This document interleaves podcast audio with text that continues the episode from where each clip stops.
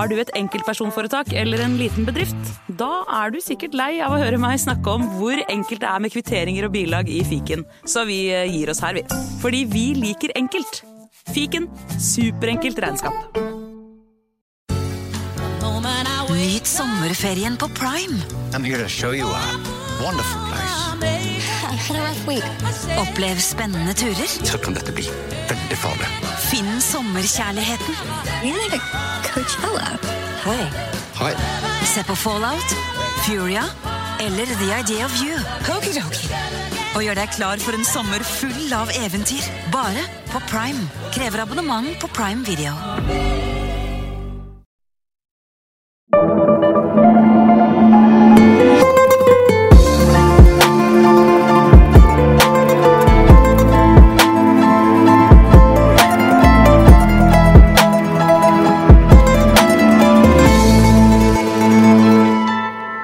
Velkommen til nok en episode av Gangsterpodden. Mitt navn er som vanlig Jim Fosheim.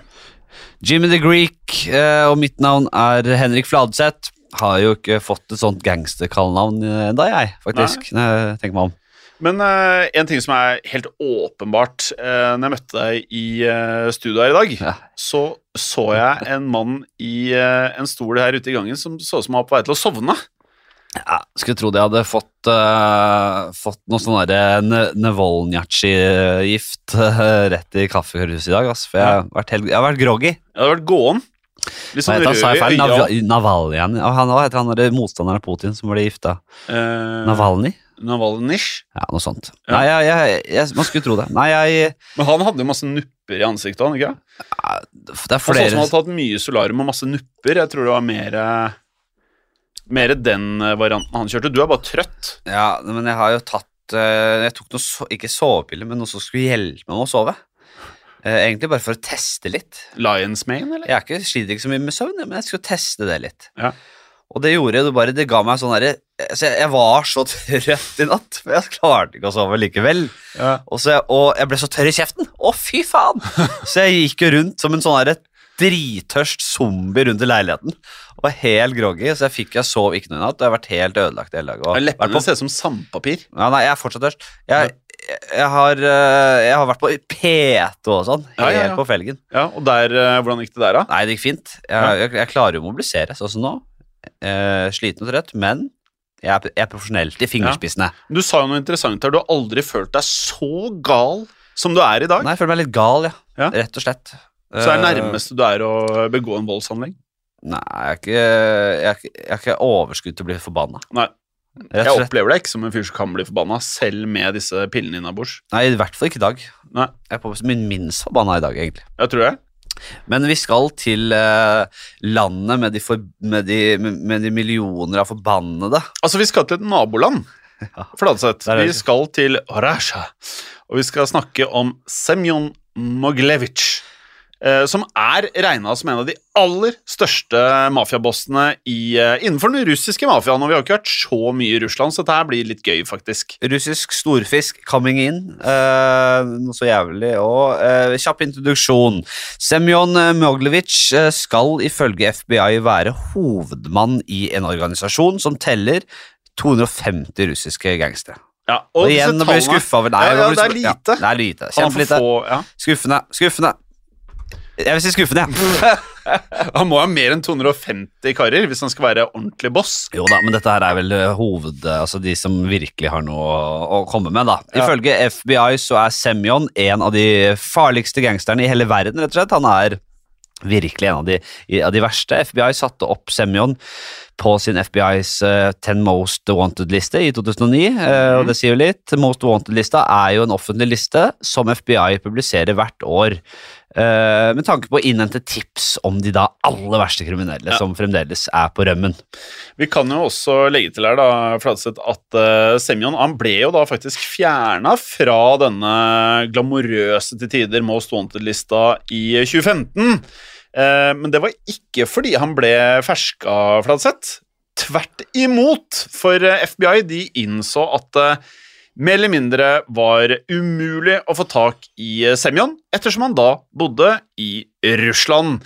For det finnes jo da selvfølgelig ingen utleveringsavtale mellom USA og Russland.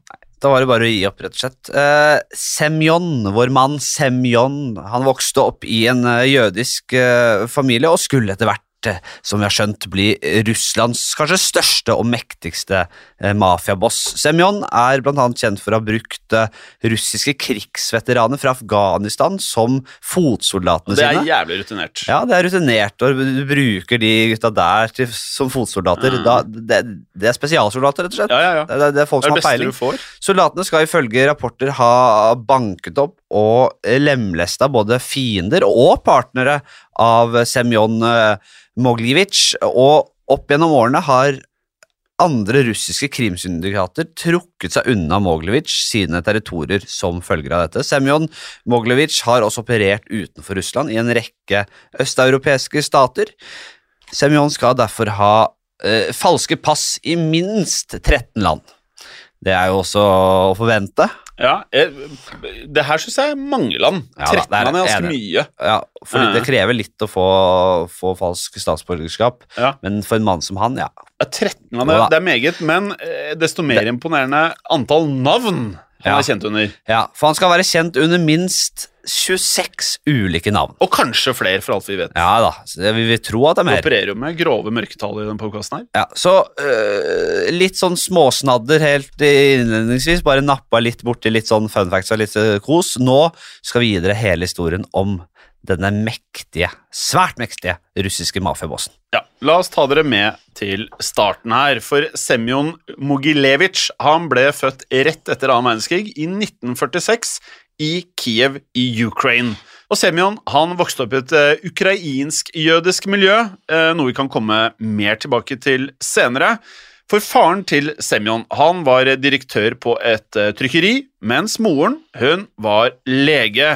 Og Semyon kom da fra en borgerlig familie, og han fikk seg en ordentlig utdannelse. Det er jo ikke alle her i podkasten som har foreldre Der var jo foreldre i sterke posisjoner sosialt sett. Ja, det er jo noe vi har savna, nesten. Ja, Det- nesten det er nesten aldri det her vi hører om. Nei, og Semyon han eh, studerte jo faktisk da økonomi, Mm. som da høres smart ut skal du drive med kriminalitet, selvfølgelig. Og eh, på dette økonomistudiet så lærte Semyon eh, mye som han da fikk bruk for som eh, mafia. Og Semyon var kjent for å ha et instinkt for business og en unik forståelse for makroøkonomi. Ja. Verdensøkonomien for oss som er litt kjøttur, da.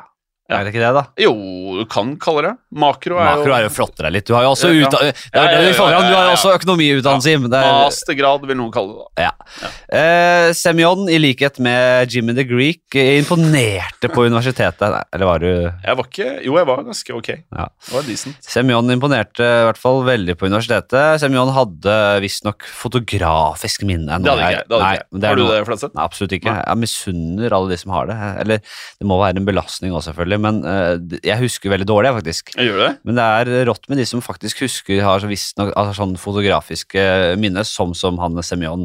Uh, og Semyon kunne da av den grunn ta veldig raske og gode avgjørelser. Og disse egenskapene Uh, kunne jo gjort han til en dyktig bedriftsleder eller konsernsjef, men Semyon Moglivic han valgte en annen vei, som vi skjønner veldig veldig godt. Semyon deltok i en rekke forbrytelser han på 1970-tallet. Eh, Da var han med i mafiakladen Ljubertskaja. Eh, nå skyter jeg ofte, veldig med disse navnene. Jeg er jo Ja, men jeg syns du sa det ja, jeg, jeg, jeg, er for, jeg er fornøyd selv, jeg vil egentlig kalle det flaks, men eh, eh, han var med i denne Mafiakladen uh, Eh, og denne Moskva-baserte klanen drev med svindel, svartbørshandel og økonomisk eh, kriminalitet generelt. Semyon skal også ha tjent penger, eh, grunker, på eh, lovlig vis, eh, blant annet gjennom et begravelsesbyrå. Det er jo, dette er jo kjent territorium. At man har liksom sånn eh, lovlig business Ja, ja. på oversida der. Begravelsesbyrå er vel en av de mest brukte. Blomsterhandler er det mest vanlige. Det er blomster, ja. Ja, ja. ja. ikke sant. Men også begravelsesbyrå på tomme to, da, eller? Nei, altså, jeg, det hører jo til bransjen, da, så det er klart at eh, det gir jo mening på mange måter. Ja, det gjør det. Eh, men han drev et begravelsesbyrå, eller var eh, involvert i et begravelsesbyrå. Eh, og eh, Semyon han havnet etter hvert i det sovjetiske politiets søkelys, og han ble arrestert og dømt til fire år i fengsel. Eh, Semyon ble dømt for både svindel og ulovlige eh, pengeoverføringer til utlandet i den, Ja. i den runden der. Allerede her, Flatseth, så enser vi jo da dette at der er hvitsnippkriminalitet til en viss grad, da. Så det, det er jo ikke feil med denne økonomiutdannelsen hans. Så vi kan jo også legge til at et av Semjons aller eh, dristigste eh, opplegg fra 1970-tallet var da han eh, prøvde å svindle en annen mafiaboss, nemlig Jacimovic, alias Byk. Og Jacimovic han var lederen for en annen mafia fra Kiev, kalt Podil. Og hør på det her, Fladseth. Altså disse gjengmedlemmene i Podil, altså gjengen til Yachimovitsj Man kan jo, Du prater jo om yrker her, altså begravelsesbyrå. Dekkoperasjoner, på en måte. Ja, typ dekkoperasjoner, ja. Eh, og noe som kanskje er enda mer fryktinngytende, er hvis gjengmedlemmene faktisk jobber som slaktere. Ja, Slakterne fra Kiev. ja, det, for det var det de gjorde. Ja, det var det de gjorde. Det her var slaktere som, eh, som da var medlem av gjengen, og de jobba da på et kjøttmarked i Kiev. Ja, det er det de gjorde. Uh, Semyon skal uh, ha lurt denne Jatsjimovic til å gi han 20 000 rubler for å veksle dem videre i dollar. Og 20 000 rubler det tilsvarte uh, ca. 350 000 uh, norske kroner i Ja, og igjen, eh, kanskje ikke det mest voldsomme beløpet for Nei det. da, men det er noe Ja, man, man kan ja. bli gretten for. Det, Jo, jo. det, er, det er jo ikke småpenger heller. Nei. Mafiabossen som han var, Jatsjimovic, slakteren fra Kiev, han eh, ville eh, Han hadde eh, planer om å emigrere til Vesten. Ja. Men da trengte han jo dollar, eh, og på denne tiden så var det ulovlig å veksle rubler eh, til andre valutaer i Sovjetunionen, nettopp for å motvirke at folk hoppet av til Vesten, som de kalte det. Mm. Vi ville ikke at folk skulle hoppe av til Vesten, vi hadde den kalde krigen, ikke sant, Eh, og alt dette her, det er jo bare å høre mer om i historiepodden. Eh, Er det ikke det, Jim? Jo, jo, det er mye kaldkrigen der. Semyon utførte svindelen eh, ved å invitere Jatsjimovic til et hemmelig møte for å utføre denne pengeutvekslingen. Semyon lurte derfor, eh, eller der Yam- til å tro at dollarkontakten deres var en utvekslingsstudent som het Adam. Eh, og Adam spilte jo bare en rolle, for egentlig jobbet han da for vår mann Semyon. Semyon måtte gi en forklaring på hvorfor Adam hadde tilgang på amerikanske dollar. Eh, Så Semyon sa at Adam var en slektning av presidenten i Kongo. Så her er det full kjør. Ja. Og la oss kalle denne Adam, eller Adam Fladseth, for eh, dollarkontakten her, da. Ehm, og Adam han eh, kom til møtet sammen med en ung kvinne. Og Jacimovic han eh, stolte jo på Semyon, så Jacimovic han overleverte da en bag med disse 20 000 rublene til Adam.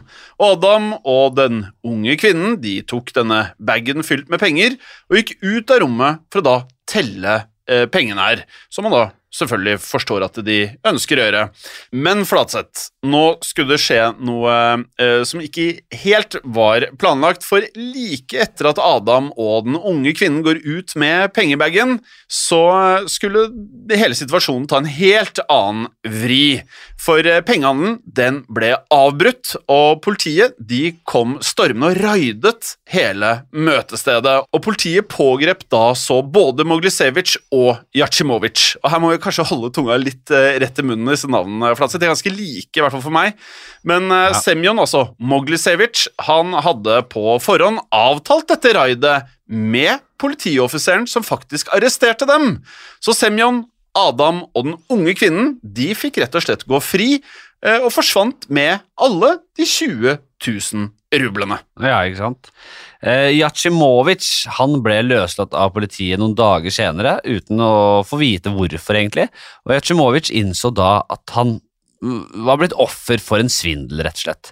Eh, Moglievitsj, eh, vår mann, får vi si, hadde eh, tatt disse 20 000 eh, rublene, han. Og nå ville jo Jacimovic hevne seg på vår- mann, Semyon. Eh, så han sendte gangsterne og slakterne sine, får vi si, eh, for å ta eh, Semyon, men Semyon var selv under beskyttelse av Ljuberskalja-klan. Eh, Det er mange navn her nå, men eh, vi henger vel med. Eh, Og nå oppsto det da, som vi skjønner, en konflikt mellom disse to gjengene. Ja, og dette var jo ikke en lang, langvarig konflikt nødvendigvis, men den var veldig voldelig og ble kjent for sovjetmyndighetene. Eh, og det betød jo da at alle de involverte omsider da ble arresterte. Og Semjon han ble dømt til fire år for bedrageri, og Jacimovic han fikk ni år for rett og slett å ha organisert et eh, drapsforsøk. Og begge to slapp jo ut før eh, tiden eh, Flatseth, uten at vi vet eksakt hvordan og hvorfor de slapp ut før tiden. Eh, Men det vi kan si, er at politietterforskerne de oppdaget eh, flere år senere, altså på slutten av 1980-tallet er vi nå kommet til, at Semjon og Yatsjimovic eh, var blitt venner igjen. Sånn at eh, de to mafiabossene de sluttet nemlig fred ved å gjøre avtaler om å da dele på svartebørsmarkedet i Kiev. Og dette er smart business. Der er det vi har sett tidligere, Flatseth, at eh, hvis de klarer å samarbeide, så, så klarer de å erobre markedene. Eh, og Semyon han eh, hadde jo da, eh, kan jo nesten kalle det en kompensasjon da, på 100 000 rubler, eh, som han da hadde gitt til Jachimovic for hvert år som Yatsjimovic da hadde sonet i fengsel. Dette her er ganske Det er, det er code of the streets. Ja. Det her kan jeg like. Um, og etter hva vi har forstått, så tilsvarer det et sted mellom halvannen til to millioner norske kroner i året. Som vi vil tro er småpenger i i hele ja, den operasjonen her. ikke sant? Et av Semjons største svindleropplegg eh, på 1980-tallet var rettet mot hans venner i det jødiske miljøet, faktisk, som han selv var en del av, som vi skjønner. Eh, På 1980-tallet var det mange jøder i Sovjetunionen som ønsket da å emigrere til Israel. Eh, Myndighetene hadde imidlertid en lov som forbød folk å ta med seg verdigjenstander som smykker og malerier ut av landet, Jim. Ja. Um, og Simeon han, um, han tilbød seg rett og slett å ta vare på de verdifulle gjenstandene til emigrantene. Og her skjønner vi jo, her er et opplegg gående. For planen var jo selvfølgelig deretter å sende verdisakene til emigrantene når de da var kommet frem til Israel. Sånn at mange jødiske familier de takket jo ja til dette sjenerøse tilbudet til Semyon. Men Semyon han brøt alle løfter, han, og beholdt alt for seg selv. Og solgte jo da disse verdigjenstandene videre med en god slump med profitt. Ja, det er jo altså At de, stolte på det der. Ja, det var kanskje desperat, de, i Ja, desperasjon. da er du desperat, ja. Ja. Og Semyon han utførte denne svindelen utelukkende gjennom mellommenn, så han holdt seg derfor utenfor politiets sø sø søkelys. Han var, lå i, var i, i, helt bak der, helt uh, utenfor spotlighten. Og denne strategien har Semyon brukt igjen og igjen, med stor suksess uh, gjennom karrieren sin. Ja, Vi kan jo legge til helt andre ting som eh, Semyon drev med også.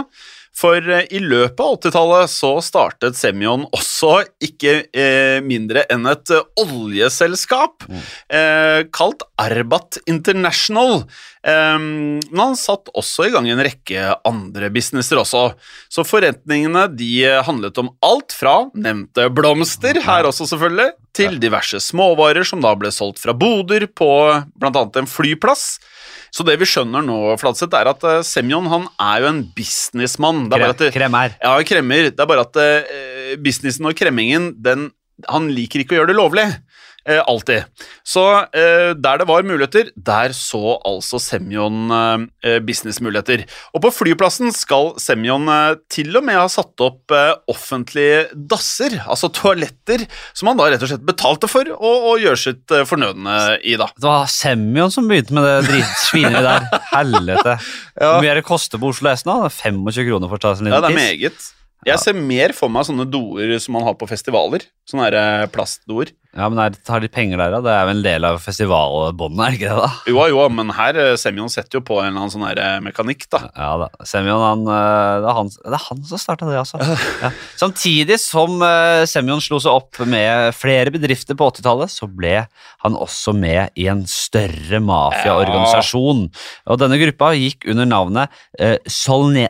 Solentsveskaja Bratva. Altså Solentsevkaja Bratva. Ja. Eller Solensev, eh, Solensevskaja-brorskapet. da, Ja, på norsk, si. da. Ja. ikke sant? Ja. Eh, og gruppa er fortsatt aktiv, og går som regel bare under navnet Bratva.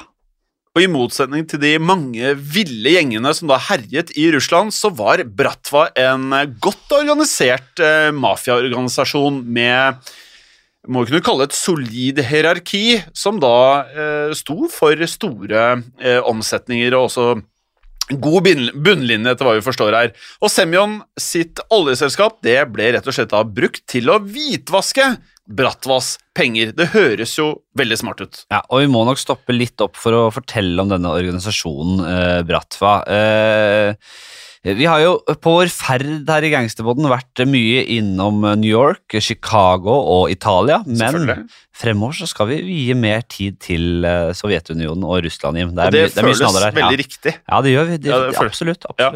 Og som du nevnte tidligere, Flatseth her, så var det jo slik at eh, mange av de som var med i eh, gjengene i Russland, og det var jo noe av det som ga de en eh, spesialkompetanse, var jo at mange hadde vært i krig, faktisk. Altså ordentlig krig, ikke bare i gata. Eh, slik at eh, i de siste årene av Sovjetunionen, altså før Sovjetunionens fall, så var det da sånn at mange av soldatene de reiste hjem fra Sovjetunionens krig i Afghanistan, som da nærmere bestemt tok slutt i 1989. Og disse krigsveteranene var eh, slettes ikke helt klare for en eh, A4-livsstil, slik at eh, Mikhalkov han rekrutterte disse arbeidsløse nå mennene til gjengen sin. Og det var en tid der det sovjetiske samfunnets strukturer var rett og slett i ferd med å kollapse, og kriminelle kunne da holde på akkurat sånn som de ville. Og Bratva slo seg da selvfølgelig opp i den sovjetiske underverdenen ved å da kontrollere import av biler. Ja, det stemmer. Eh, Og Bratva opererte fra en bydel i Moskva som eh, ligger langs motorveien til Kiev, eh, like ved en stor flyplass. og På denne måten så fikk Bratva kontroll over varer og handel i byen. Bratva inngikk som sagt et samarbeid med Semyon, og sammen så gjorde de stor, stor suksess i den sovjetiske underverdenen. Men på starten av 90-tallet så ble Bratva utfordret av en ny mafiaorganisasjon og da snakker vi om noen knallharde folk. Den tsjetsjenske mafiaen her. Det, man skjønner jo at eh, her er det mye folk som er vant til å se heavy ting. Ehm, og det hele Flatseth endte jo da i at vi nå fikk en konflikt hvor på den ene siden så hadde du den russiske mafiaen med Bratva, og på den andre siden så hadde du nå den tsjetsjenske mafiaen. Og dette er som vi forstår ender jo da med eh, drap, det ender med blodige sammenstøt. Og det skulle toppe seg i 1994, da Bratva og tsjetsjenerne da skulle møtes i Moskva for å forhandle. Og hovedtema for forhandlingene var rett og slett kontrollen og fordelingen over bilmarkedet i nettopp Moskva.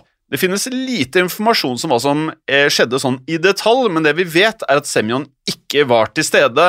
Men møtet mellom Bratva og tsjetsjenerne endte med en gedigen skuddveksling nær en kino, og vi har faktisk funnet navnet på kinoen. Det er nemlig en kino som heter Kazak kino. Og Oppgjøret endte med at flere mistet livet. Fra den tsjetsjenske mafiaen så var det seks personer som mistet livet, og fire russere fra Bratva.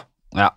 Og etter denne skuddvekslingen så allierte Bratva seg med andre russiske gjenger og klarte etter eh, mye om og men å drive tsjetsjenerne ut. Eh, Bratva kunne nå egentlig operere uforstyrret eh, etter en liten sånn fartsdump med noen tsjetsjenere på sida der, og de tjente seg styrtrike på organisert kriminalitet av eh, alle slag. De eh, plukka litt herfra, litt derfra. Alt innenfor i, i kriminalitetens hyller, eh, og penga strømma inn. Bratva var hva skal si, sofistikerte, og de visste hvordan de skulle holde seg unna politiet. Semyon, eh, vår mann, han hjalp som sagt Bratva med å hvitevaske disse pengene som Ja. rant inn. Ja, det er eh, litt sånn derre Man får jo noe Med alle disse episodene, Flatseth, så får man en sånn følelse av eh, hvem som kanskje var et lite hakk over andre. Nettopp det du da nevner, at det var sofistikerte, da. Ehm, og ca. samme periode, Flatseth, så var det sånn at Semyon og eh, de andre lederne i eh, Bratva de inngikk en eh, særs lukrativ avtale. For de kjøpte nemlig en kjede med gullsmeder, som da strakte seg både i sentralt Moskva, men også helt til Ungarn. Og denne gullsmedkjeden den ble rett og slett en fasade, som man da enkelt kan forstå, for salg av tyvegods. Og her solgte Bratva smykker, antikviteter, de solgte kunst som de da hadde stjålet fra bl.a. russiske kirker og også museer, Fladseth. Så det var jo ikke en, en uh, gjeng som da ikke var redd for, eh, for eh, religion, tydeligvis. Og Bratva de brøt seg også inn i hjemmene til ganske mange kunstsamlere, og var da rett og slett på jakt etter kunstverdier. Og Bratva ranet også eh, synagoger, både i Øst-Europa, men også i Tyskland. Og jeg nevnte dette med at de ikke var spesielt opptatt av, eh, eller redde for religion. De stjal nemlig, etter hva vi har forstått, eh, svært sjeldne religiøse bøker. Og Torar, som da ble solgt med en eh, relativt eh, bra fortjeneste. Ja, det er klart at Når du først er inne i synagoger og kirker og stjeler, så har du det er, ikke noe du, det ikke noe du på en måte dropper å ta da. Det er bare, nei, Torane de holder vi oss unna. Du skjønner jo hva du går til. Torane holder vi oss unna. De er Ja, for, du tar jo ikke- det du finner, Du på en tar alt. Du er jo, de er jo faen, selvfølgelig. Eh, Bratva gikk også inn i, i banksektoren, for å si det sånn, eh, og, og det, jo, dette gjorde Semyon og eh, Bratva veldig mektige. Bankvirksomheten ga Bratva nå forbindelser til de russiske oligarkene, eh, og det er et, også et navn jeg liker. Oligarkene. Ja, oligark. Ja, altså Mange lurer kanskje på hva oligarker er. Men eh, vi kan jo bare ta en uh, kortversjon, eh, sånn at alle henger med. Oligarker er eh, å anse som en liten gruppe med superrike mennesker som da eh, i en periode tjente enorme summer på rett og slett da kjøpe opp statseide selskaper etter Sovjetunionens fall. Slik at disse oligarkene de fikk da kloa i statlig industri og også gasselskaper til langt under markedspris, eh, slik at folkets verdier ble praktisk talt stjålet og privatisert, og vi har jo eh, eksempler på kjente oligarker. Yes, Roman Abramovic kjenner Yes. kanskje mange som følger med på fotball. Eh, Han er jo en multimilliardær som i, på 2000-tallet, tidlig 2000-tallet kjøpte opp eh, fotballklubben Chelsea, eh, og havnet jo i heftig rivalisering med mitt eh, favorittlag Manchester United. Det var noen eh, ordentlige bataljer der eh, i de åra Han var nok i eh, noen ganske mye større bataljer før fotballen. Jo da, han har vært gjennom mye. Eh, Abramovic har jo selv vært eh, innblandet i heftig mafiakrig. Eh, og om vi tar en egen episode om det, eller hva vi gjør, det vet jeg ikke, men vi har ikke tid til å ta så mye om det akkurat nå. Nei, vi, men, men det er jo åpenbart noe, så hvis vi finner nok info om det, så blir jo det en episode. Eh, men eh, Flatseth, kan ikke vi bare ta en liten pause, og så kan jo lytterne se frem til at vi skal prate mer om Semyon og hans partnere, som nemlig da finner, eh, finner eh, nye businessmuligheter i nettopp USA, hvor de blant annet skulle få koblinger til Donald Trump. Yes. Velkommen tilbake.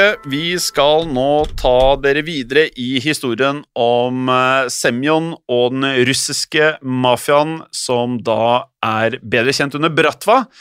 Um, og vi kan jo bare sånn kjapt da, Fladseth, bare Det som er med Semyon, nå er vi jo halvveis i episoden, det føles på sett og vis som han er en boss for Bratva, altså den ultimate eh, sjefen. Men på sett og vis så sitter vi jo da med inntrykket av at eh, han egentlig opererer litt på egen hånd også.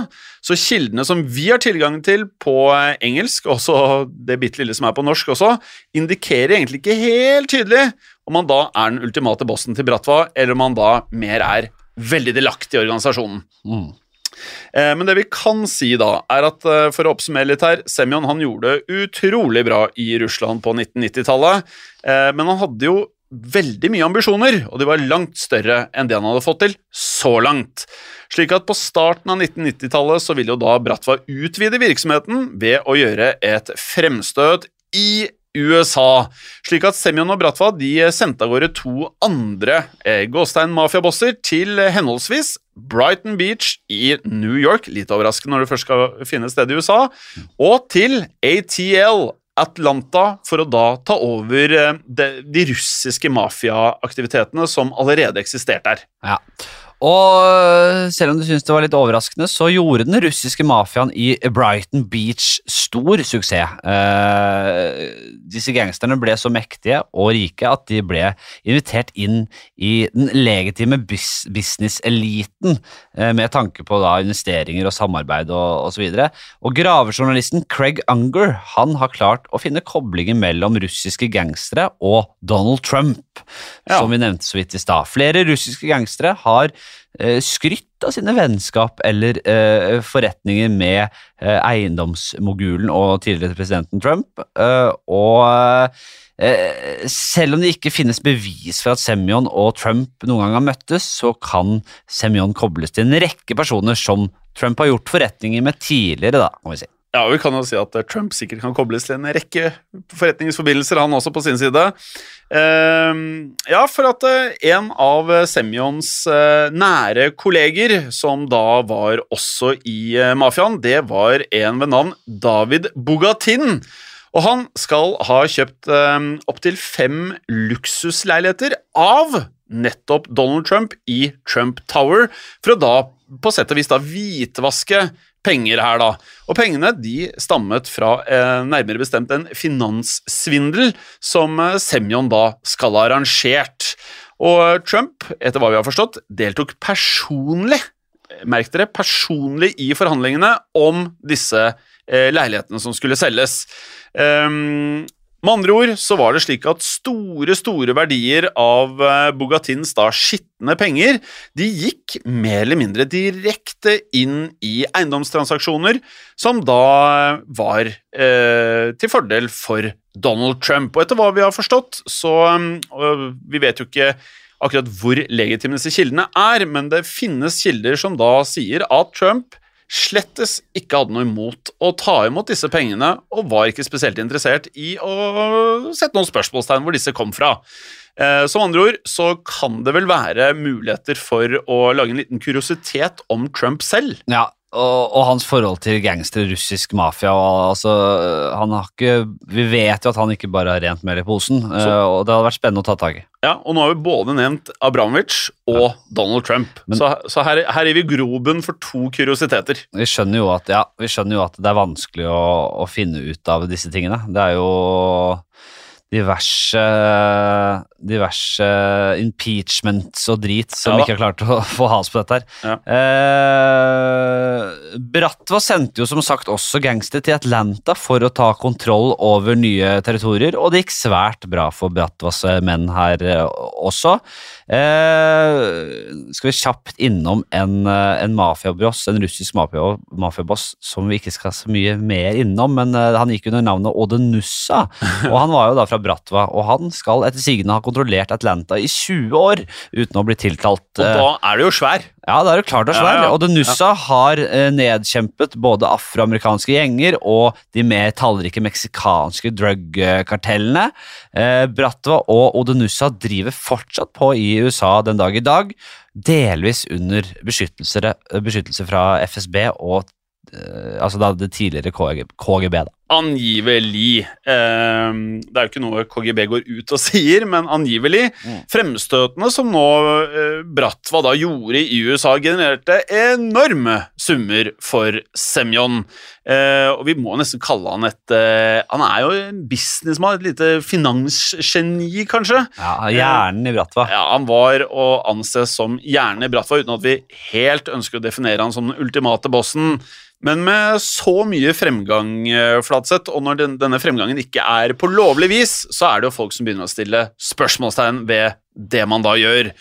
Slik at den britiske journalisten Luke Harding, som da hadde tilbrakt flere år i Russland som korrespondent for The Guardian og Harding han begynte å grave i eh, Semyon og eh, mafia generelt i Russland, noe som da resulterte i en bok som het Mafia State – How One Reporter Became an Enemy of the Brutal New Russia.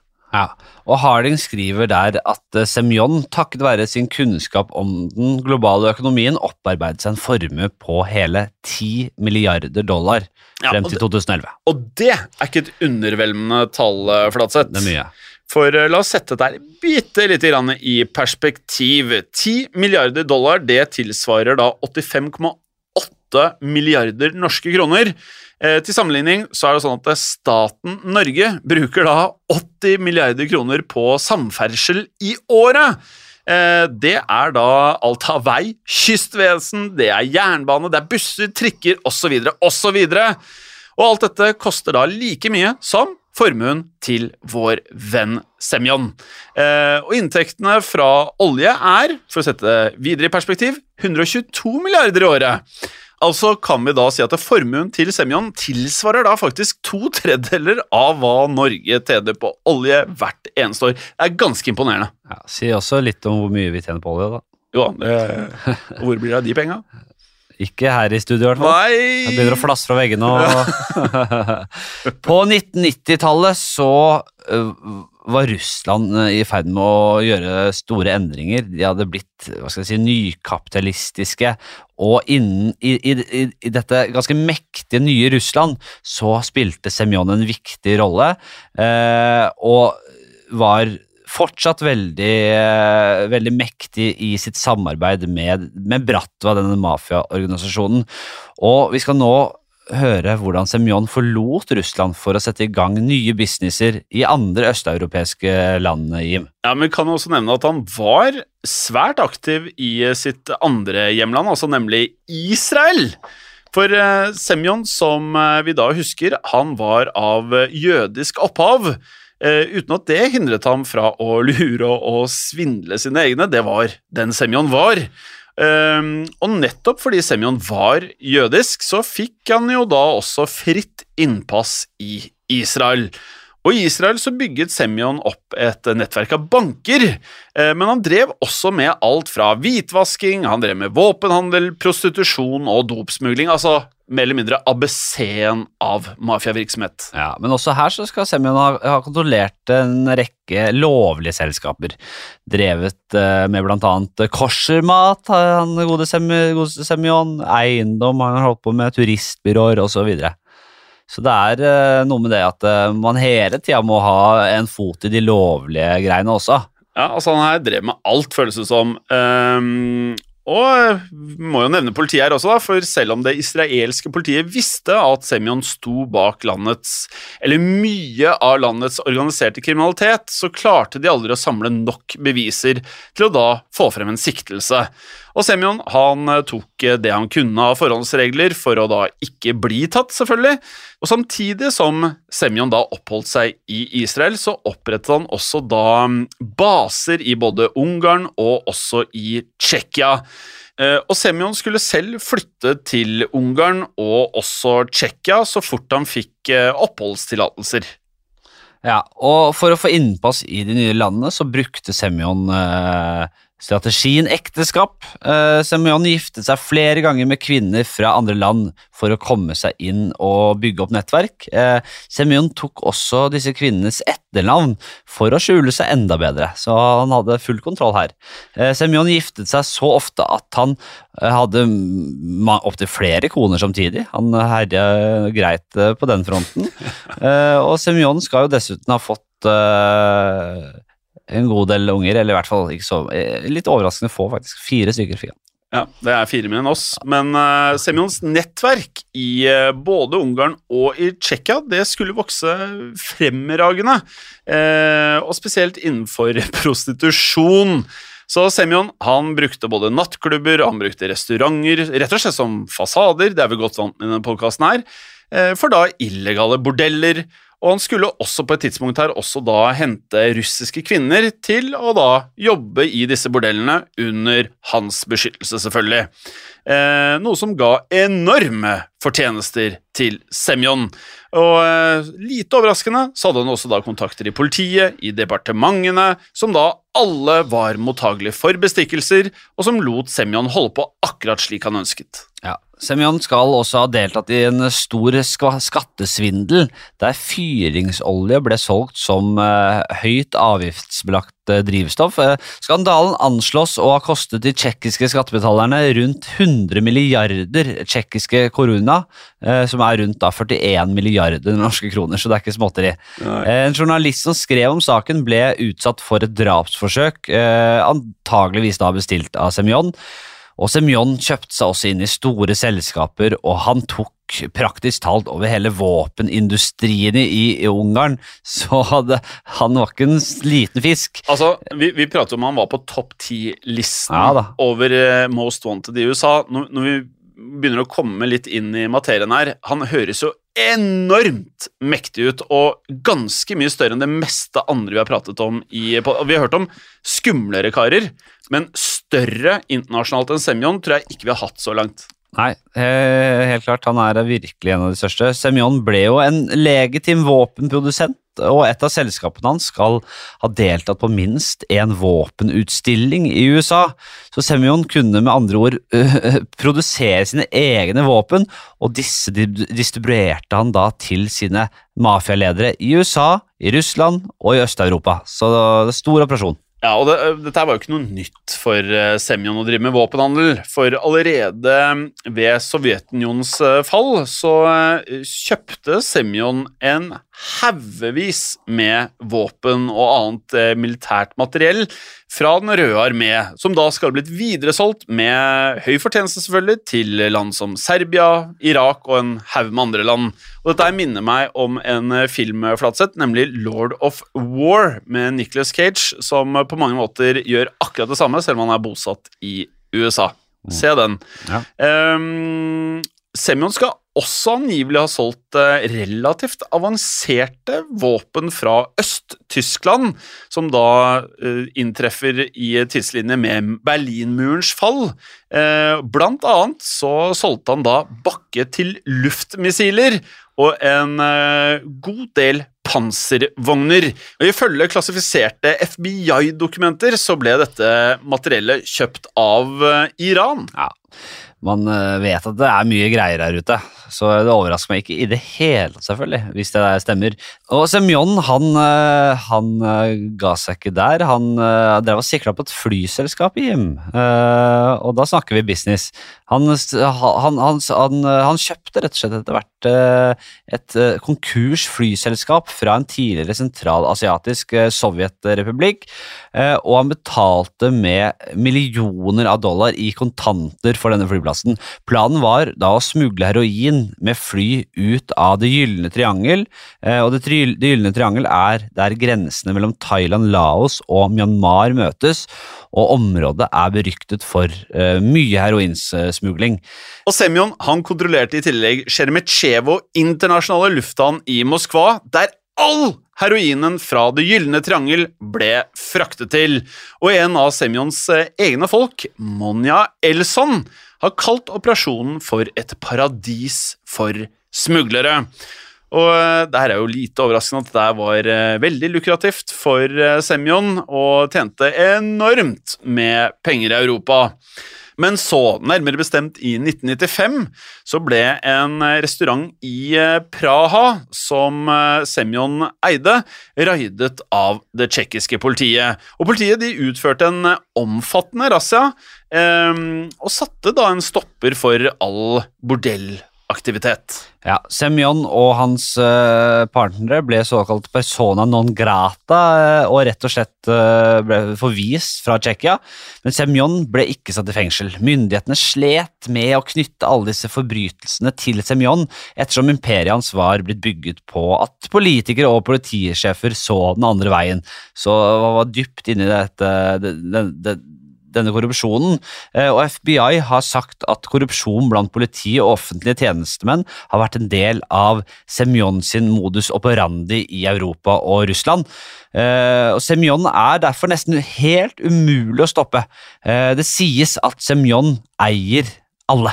Ja, og vi kan jo da gå videre til 2000-tallet. Eh, så satt Semyon seg et helt nytt mål for øye. Han eh, ønsket nemlig å manipulere aksjemarkedet i Canada og USA. Ja, så det Semyon da gjorde, var å starte et selskap som på papiret drev med produksjon av magneter. Men i realiteten så ble dette selskapet brukt til å hvitvaske penger. Og mange investorer de lot seg lure og kjøpte da altså aksjer i eh, disse gåstein falske selskapene, da. Ja, Ifølge de offisielle rapportene så hadde dette magnetfirmaet Fjollete opplegg, selvfølgelig. Eh, ja, da, magne, dette magnetfirmaet hadde da 165 ansatte og en omsetning på 20 millioner dollar. Men så oppdaget investorene at firmaets adresse var registrert på et anneks på en barneskole, eh, kan vi si. Og når du skjønner at eh, adressen til et selskap med 20 mill. dollar i omsetning i året er registrert på et anneks-flatsett, mm. så begynner man jo som investor å lure på hva det var som skjedde her. Så det som da skjedde var at investorene de gikk til søksmål mot Magnetselskapet, og de saksøkte selskapet for 150 millioner dollar i da tapte midler. Men investorene de kunne se langt etter å få tilbake en eneste krone. For Semyon, som nå gikk under et eh, kallenavn som var så mye som Brainy Don, og var selvfølgelig for smart for disse investorene, for han reiste aldri selv til USA. For Semyon holdt seg på god avstand i Russland og lot med andre ord da stråmenn gjøre det som var av jobb i USA. Men FBI de eh, ønsket jo da Semyon utlevert, de, eh, men det var som vi har nevnt tidligere, lite eller inget samarbeid å hente hos russiske myndigheter. Nei, det var ikke det. Og Semyon ble konfrontert med beskyldningene i et intervju med en russisk avis, men benektet selvfølgelig all kjennskap eh, til saken. Semyon nektet til og med for at den russiske mafiaen finnes i USA. Semyon uttalte hvordan kan du si at det er russisk mafia i Amerika? Eh, Hvor er disse forbindelsene til russerne? Jeg liker det. Altså, bare benekte alt. så helt blankt. Bare, altså, hvor er er dere på jordet, dere? Men uansett hva Semyon måtte mene, så var all svindel, all virksomhet eh, med mafiaen, den var reell. Og det var da FBI svarte med å sette Semyon inn på sin Most Wanted-liste. Og det var jo som nevnt i 2009. Eh, En FBI-agent uttalte følgende om Semyon. Ofrene betyr ingenting for Semyon. Det som gjør Semyon så farlig, er at han opererer uten grenser, og dette er en fyr som da klarte å bedra investorer for 150 millioner dollar uten å sette en fot i Philadelphia-området. Ja, og FBI-agenten han fulgte opp med å si for Semyon handler alt om penger, penger og innflytelse. Og det virkelig skremmende er at Semyon er villig til å jobbe med alle kriminelle, uavhengig av deres ideo ideologi. Ja. Og, øh, men det stopper ikke der. Eh, For gjennom sitt omfattende internasjonale kriminelle nettverk eh, kontrollerer Semyon flere naturgassrørledninger i. Øst-Europa. Ja. Og han bruker rikdommen og makten til å fremme da i større grad sine egne kriminelle virksomheter, men også for å påvirke regjeringer og deres eh, respektive økonomier. Så dette er ganske, da begynner det å bli farlig. Ja og FBI har eh, for øvrig publisert en beskrivelse av utseendet til Semyon. Eh, og, og det går noe sånn som følger, da, oversatt til norsk.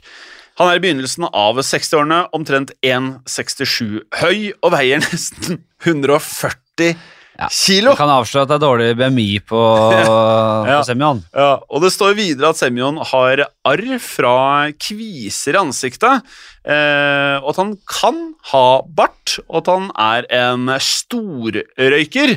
Og Flatseth, vi sitter med et bilde av Semyon foran oss. Ja, og dette er en stund siden det er tatt, eh, men han er jo som sagt, har en svak, dårlig BMI. Han er jo kule rund, lav og eh, rund. Han spiser jo har spist mye god mat selvfølgelig, og drukket mye god eh, vodka og kaviar. Han ser ut som en som liker kaker. Ja da, han gjør det. Og han har en eh, bart, han er streng, han, han, har den russiske, liksom henger litt med geipen. eh, Ja, henger med geipen. Henger, den der litt sånn russiske geipen. Og så har han Eh, litt sånn George Costanza-frisyre. Altså det er hår på sidene, og så er det helt bart et- på skallen. Men et litt sånn direkte kraft altså, Han setter blikk i deg, rett og slett. Det Ja. kan vi fastslå. Og det er noe voldsomt fettete hender. Ja, altså, han holder jo da en sigarett her på det bildet vi ser på. Det bare drukner i disse her svære, overdimensjonerte hendene her. Eh, det er sånn at FBI har etterforsket eh, denne Semyon Moglivic i lang tid. Men siden Semyon eh, bor i Moskva, der russisk lov forbyr, ut, forbyr utlevering til USA, så er han umulig å ta. I 2008 så ble Semyon faktisk arrestert i Russland pga. skatteunndragelse, men han ble løslatt kort tid etterpå. Det er ikke kjent hvorfor, men flere hevder at Semyon har et nært forhold til president Vladimir Putin, og da er det jo selvfølgelig sånn det blir, da. Eh, man vet lite om eh, Semyon aktiviteter fra det siste tiåret, men de fleste rapporter sier at han nå lever i fred og ro et sted i Russland. Og rapporten hevder også at Semyon fremdeles har enorm makt over den russiske og ukrainske økonomien, energimarkedet og samfunnet generelt. Ja, for Semyon skal være alliert med mektige samfunnstopper som den tidligere ordføreren i Moskva, nemlig Jurij Lusjov.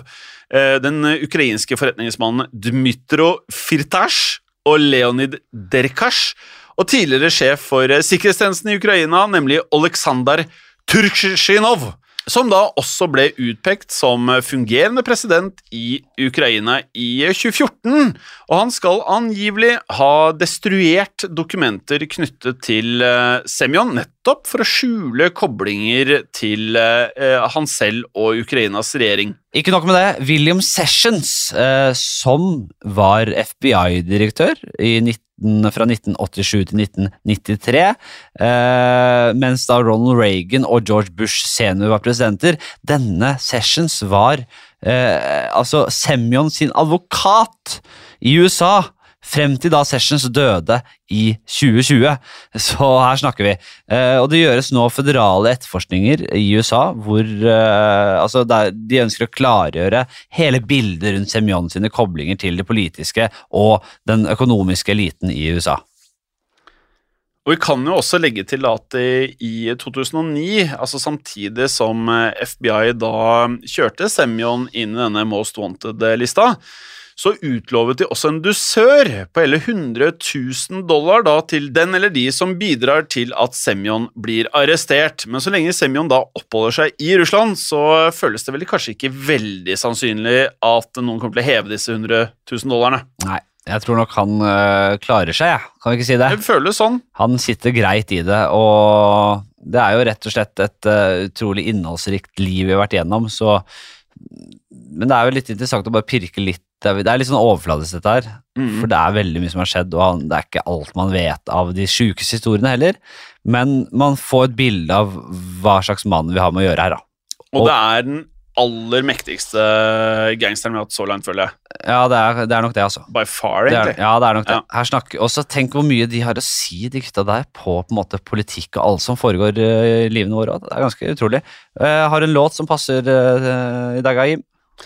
Eh, det har vi. Jeg eh, eh, kan legge til at vår redaksjon har fisket ned i Spotify og funnet en sang med navn Russian Mafia av en artist ved navn Bandit 598. Bandit 598. Ja, og den Kjenner er jeg godt til. Ja, du gjør det? Nei, jeg var kødder. Nei. Uh, jeg legger til Russian Mafia til spillelisten vår på Spotify, som er Gangsterpodden, selvfølgelig. Mm.